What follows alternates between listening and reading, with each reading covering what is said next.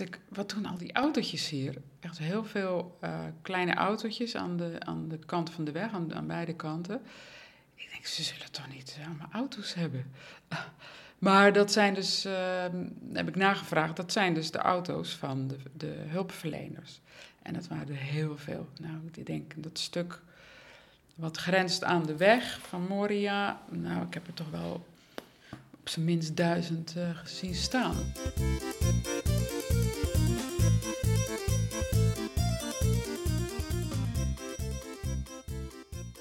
Griekenland. Zon, zee, zaligheid. Witte huizen, blauwe luiken en slapende poezen in de zon. Griekenland vakantieland. Maar het kan ook anders. Elke nacht boten met vluchtelingen die aan land willen, groeiende tentenkampen, gevuld met mensen zonder uitzicht. Die vluchtelingen komen naar Griekenland met een enkele reis, op doortocht naar een nieuw, ander, beter en vooral veiliger leven. Op de vlucht voor oorlog, vervolging en geweld of honger. Leni Minderhout pakte in oktober 2019 haar koffers en boekte een retourtje Griekenland om de vluchtelingencrisis met eigen ogen te gaan zien en zelf haar handen uit de mouwen te steken aan de grenzen van de Europese Unie. Ze ging terug naar het eiland Lesbos, waar ze 35 jaar geleden een paar keer op vakantie was geweest. Maar nu om te werken voor de Griekse hulporganisatie Home for All. In de podcastserie Retourtje Griekenland op de vlucht naar Europa vertelt Leni Minderhout over wat die werkvakantie op Lesbos haar heeft geleerd. Er zijn heel veel hulporganisaties actief op Lesbos. Uit het buitenland zowel de grote bekenden als Rode Kruis, Oxfam, Artsen zonder Grenzen, Stichting Vluchteling, als ook kleinere organisaties zoals Stichting Bootvluchteling en Shower Power. En Griekse NGO's als Attica en Home for All. De eerste dag verbaasde Leni zich over alle auto's bij Kamp Moria. Allemaal hulpverleners, leerden ze later. Maar ik heb verschillende organisaties eh, gezien. Die, sommige komen ook eens een keer eten bij uh, Home for All. Home for All is een sociaal uh, charity kitchen. Dus sowieso kunnen ook uh, daklozen van Lesbos daar, van de Grieken, kunnen daar ook komen eten ben een paar keer uh, met andere vrijwilliger naar Attica geweest. Dat is een Griekse NGO die kleding heeft, groot warenhuis. Er wordt wat onderling uitgewisseld. Ook informatie, maar ook wel kleding. Um, ik ben bij het Hope Project, dat is ook daar vlakbij. Um, daar worden meer activiteiten en opvang uh, gedaan, dus dag, dagactiviteiten. En daar was nog een andere organisatie, One Happy Family, zit bij het kleinere kamp Karetepe. Die, die verzorgen echt onderwijs uh, aan de kinderen. Dus je komt er natuurlijk de hele tijd mee te maken. Je ziet de dokterspost, um, ja, Because We Carry en natuurlijk ook uh, Movement on the Ground. Die heeft echt een eigen stuk in Moria. En ook in Karatepe, nog veel groter, meen ik. Uh, dus ja, je komt er uh, regelmatig en er is overleg en er is uitwisseling. Zeker de Nederlandse NGO's die er echt veel zijn, of Nederlandse hulporganisaties, ja, die kennen elkaar allemaal. Die, die hebben wel contact onderling. Het is natuurlijk in principe noodhulp. Het is al structureel geworden, maar het is noodhulp, dus iedereen doet op een bepaald moment: hé, hey, er is dit of dat nodig. Of er wordt ook soms wel eens gebeld vanuit het kamp op, op ja, soms zelfs nachtelijke tijden. Van ja, moet iemand nu naar het ziekenhuis. En dan bellen ze gewoon iemand op die misschien, ja, wat voor organisatie daar ook, maar die beschikbaar is. Wat raad je mensen aan als ze een keuze willen maken voor een organisatie? Misschien een beetje zoals ik het, of zoals ik het heb gedaan. Um, ik doe zoiets, bereid ik wel goed voor. Dus ik heb met verschillende organisaties um, gesproken, telefonisch, die mij aanspraken, maar wel heel verschillende organisaties. Ik heb met mensen gesproken die er al voor gewerkt hadden. Um, en toen ben ik echt gaan kijken, ja, ook naar mijn eigen sterke punten als je dat in, in dat, want het is natuurlijk ook heel nieuw werk, dus je weet het ook niet helemaal. Ehm, ja, gevoelsmatig, waar, waar zou ik nou het beste function kunnen functioneren? Uh, dat, dat is de weg. Gewoon wel even wat onderzoek doen. Adriaan van Es koos voor de stichting Bootvluchteling, een organisatie die onder andere een medische hulppost in Moria bemant. Als gepensioneerd huisarts dacht hij daar op zijn plek te zijn. Het is een heel groot uh, uh, vluchtelingenkamp. Het is dus niet een. Uh, mensen kunnen wel in en uitlopen, maar de, alle voorzieningen zijn, zitten in het kamp. er is een capaciteit van 3100 mensen. En in juni, toen ik er was, zaten er tegen de 7000. En in oktober tegen de 15.000 mensen. Dus dat laat iets zien van de enorme overbevolking. En ik, uh, ja, wat je daar doet is uh, medische hulp verlenen. Uh, officieel is het een taak van de Griekse overheid om dat te leveren. Maar er zijn te veel te weinig, er zijn veel te weinig artsen. De Griekse overheid zegt van dat ze ook geen mensen daarvoor kunnen krijgen. En dan, heeft, dan is er toestemming gegeven aan een aantal NGO's om daar dus aanvullend zeg maar, wat uh, uh, medische hulp te verlenen. En dat is een uh, Britse NGO die dat in de ochtenduren doet, of van, van 8, uur, 8 of 9 uur s morgens tot 4 uur s middags. En om 4 uur s middags is dan de wisseling naar de Stichting Bootvluchteling, die dat dan tot 11 uur s avonds, officieel 11 uur s avonds doet. Maar vrijwel iedere avond loopt dat uit tot 12 uur of nog, nog veel later. Wat was jouw eerste indruk? Schrok je van Moria? Uh, ja, in dat kamp zitten dus mensen in uh, containers uh, en in tenten. En vlak buiten het kamp staan ook veel tenten. En dat, toen ik in oktober terugkwam, stonden er nog veel, veel meer tenten.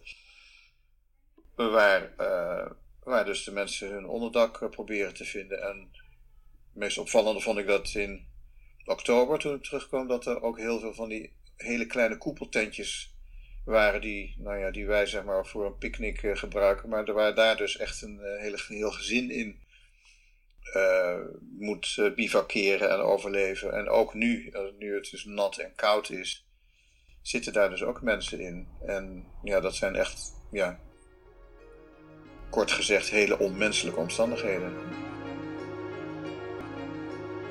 er zitten, staan van die koepeltentjes in het kamp. Dus iedere vierkante centimeter wordt bezet eh, zeg maar, door dat soort tentjes. Maar er is een enorme hoeveelheid van dat soort tenten in de, in de jungle. In, in een, olijfboom, een olijfboomgaard naast het kamp. En daar staan uh, duizenden van dat soort tentjes. Dus, uh, ja. Er staan UNHCR-tenten, maar er staan ook heel veel van die kleine tentjes. Hoe ziet jullie medische hulppost eruit? Kun je het met iets in Nederland vergelijken? In zekere zin zou je het enigszins kunnen vergelijken met een huisartsenpost. Uh, want het is, uh, ik zeg, je, uh, je, je levert alleen acute hulp. En er is geen, je levert geen continuïteitshulp. Mensen die komen dus aan, dus er worden ook geen afspraken gemaakt. Mensen die melden zichzelf bij de poort en dan wordt er aan de poort wordt er getriageerd. En dan is, zijn er dus de support crew, zoals dat heet, die die maken een, eh, een selectie. Mensen komen binnen en die worden dan getriageerd door een arts of een verpleegkundige. En die geeft dan een advies of, een, of, of wat medicijnen. En als er meer onderzoek moet worden gedaan, dan gaat naar, wordt die patiënt dan doorgestuurd naar een van de consultkamers.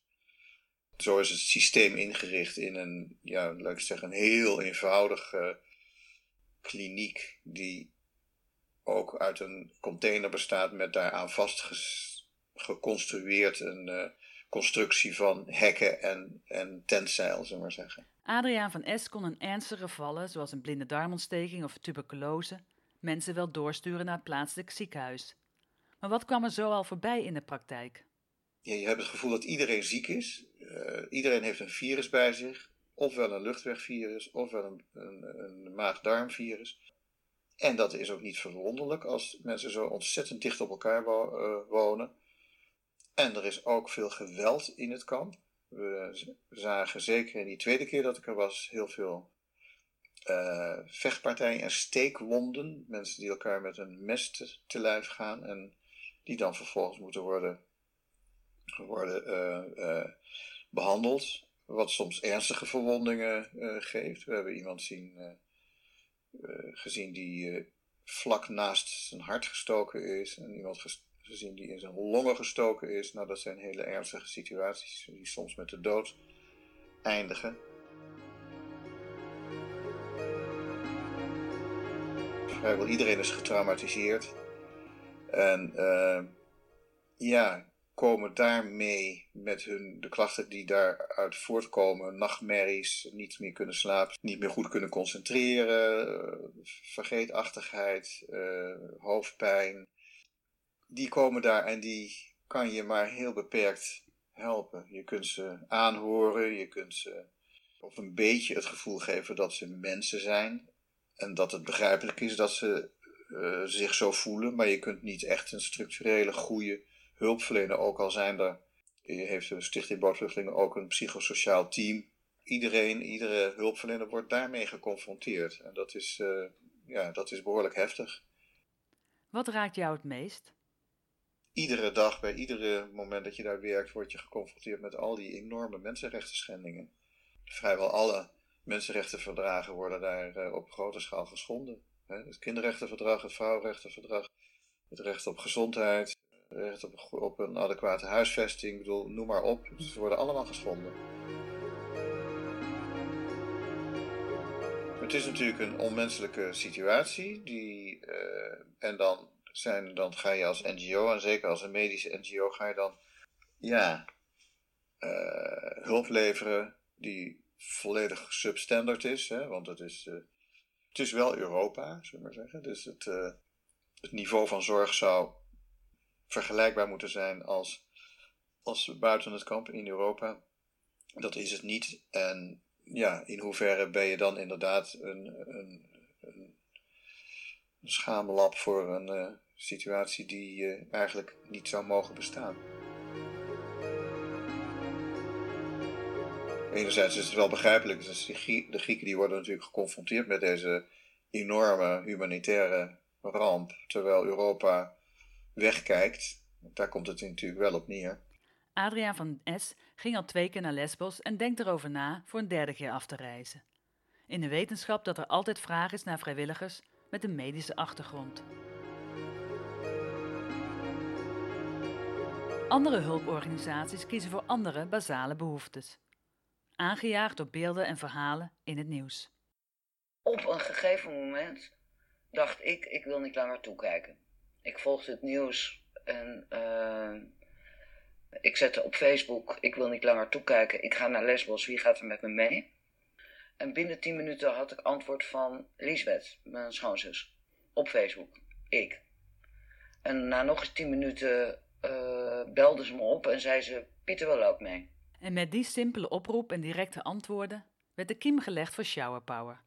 Een Nederlandse NGO die momenteel aan kinderen en moeders een veilig huis biedt om even te douchen. Pieter, Lisbeth en Dinne begonnen hun vrijwilligerswerk ook bij Stichting Bootvluchteling en hielpen daar met het uitdelen van kleding en voedsel. Maar ze keken tegelijkertijd goed om zich heen. Wat is er nog meer nodig? Zo begon voor Dinne van der Vlis het Shower Power op Lesbos. De gesprekken gingen over waardigheid, dignity, dat dat is waar mensen die alles al verloren hebben het grootste, de grootste behoefte aan hebben. En toen kwam bij mij terug in mijn herinnering dat ik in de haven van Athene een vrouw ontmoette die met haar autootje heen en weer pendelde tussen de. De mensen kwamen toen nog gewoon met een gekocht kaartje uh, met de ferry uit Turkije aan in de haven van Athene. En stranden daar in het niks, in terminals die in de zomer worden gebruikt voor toeristen. En een Belgische vrouw, daar maakte ik een praatje mee, uh, pendelde heen en weer tussen die plekken en haar appartementje uh, in Piraeus. Twee kilometer verder, de hele dag pendelde ze heen en weer om mensen daar een douche te geven. En dat had enorm indruk op me gemaakt. En uh, wat Pieter en Lisbeth steeds zagen was dat het sanitair ontoereikend en, en onveilig was. En zo is dat idee geboren, sanitair. We voelen ons allemaal beter als we ons slecht voelen en we kunnen een lekkere warme douche nemen en weer schoon zijn. Het drietal had een visioen van een groot badhuis met wel twintig douches en wellicht een mobiele versie om naar die plekken toe te kunnen gaan waar ze het hardst nodig waren. Er werd een officiële stichting opgericht, een website gemaakt en er werd gezocht naar een geschikte locatie. Dat viel niet mee. Maar een andere Nederlandse NGO bracht uitkomst. Die uh, zelfstandig uh, probeerden daar iets voor vluchtelingen te doen met z'n drieën en zeiden: Jullie mogen ons huis wel lenen.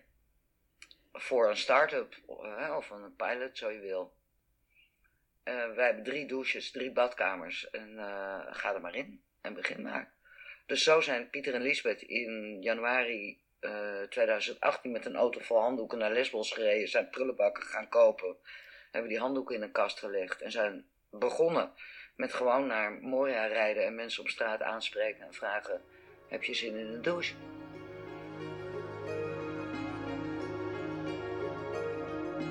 En daar ontvangen we mensen bij ons thuis, zoals we onze vrienden zouden ontvangen. Welkom. En heb je zin in soep, of heb je zin in thee, en heb je zin in een douche.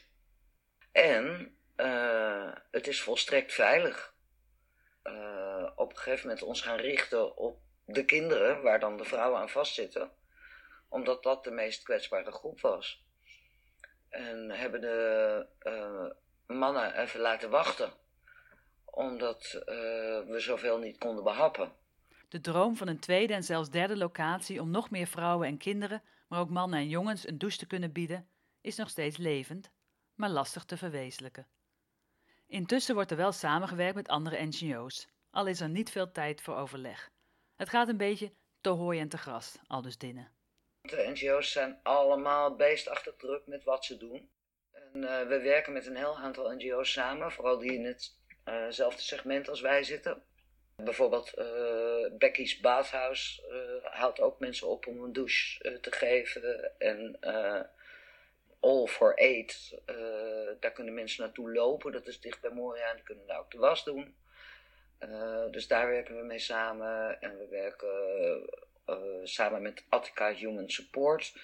Die een enorm pakhuis hebben vol met spullen waar vanuit de hele wereld hulpgoederen naartoe worden gestuurd, die door Attica weer verspreid worden. En waar showerpower bijvoorbeeld uh, maandverband en zeepoeder en shampoo en ondergoed betrekt, indien voorradig. En ook weer dingen die naar ons toe komen uh, en, en overbodig zijn bij ons, brengen we weer naar hen toe. En Attica levert bijvoorbeeld ook aan, aan Grieken die het nodig hebben.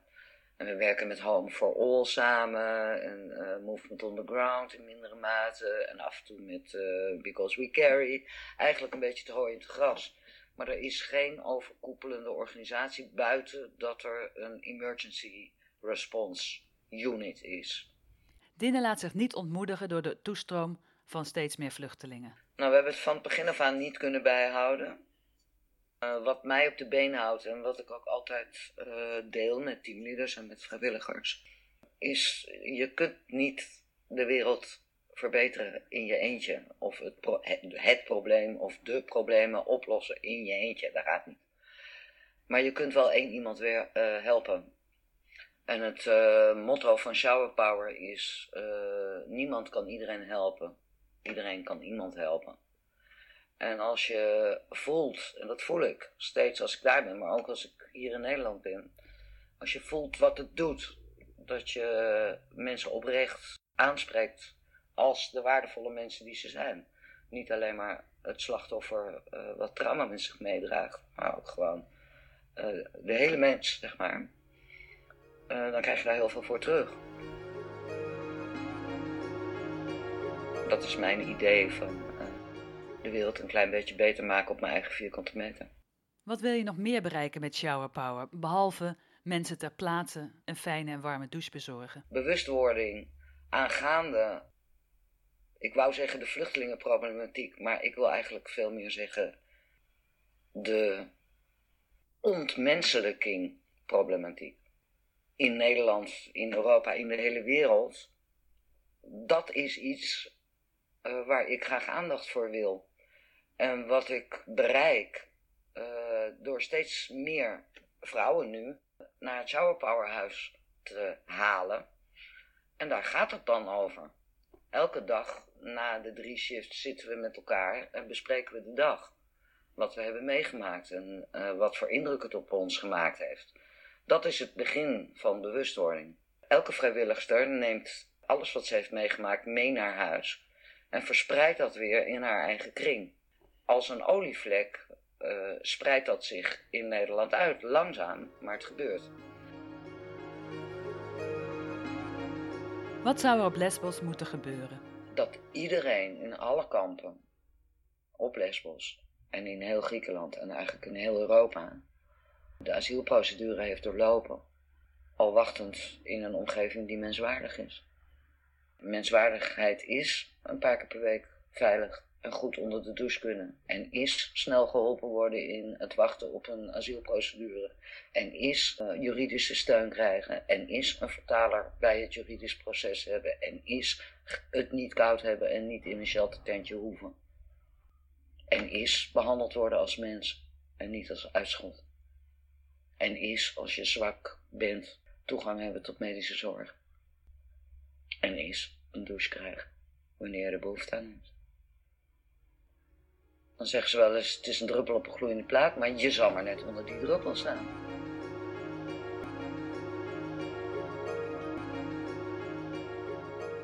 Voor Leni werd de weken die ze doorbracht rond Kamp Moria een reis die meer vragen opwerpt dan antwoorden biedt.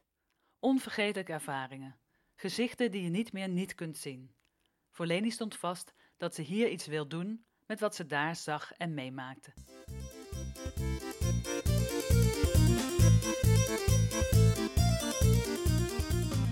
Mijn naam is Gerry van Bakel. In deze podcastserie Retourtje Griekenland op de vlucht naar Europa volgen we Leni op haar zoektocht naar antwoorden. In aflevering 4 vertelt Tineke Seelen, directeur van Stichting Vluchteling, over haar indrukken van Moria en wat er zou moeten gebeuren om tot een oplossing te komen. Retourtje Griekenland op de vlucht naar Europa is een podcastserie over de vluchtelingencrisis in Griekenland. Over mensen die naar Europa komen en stranden op de Griekse eilanden. Mensen met een verleden, zonder koffers, maar met veel bagage. En met dromen die onvervulbaar blijken te zijn. Wie ook wil helpen, kan direct contact opnemen met Leni Minderhout. Stuur een e-mail naar minderhoutleni@gmail.com en Minderhout is met een D en Leni met alleen een i op het eind. Bedankt voor het luisteren.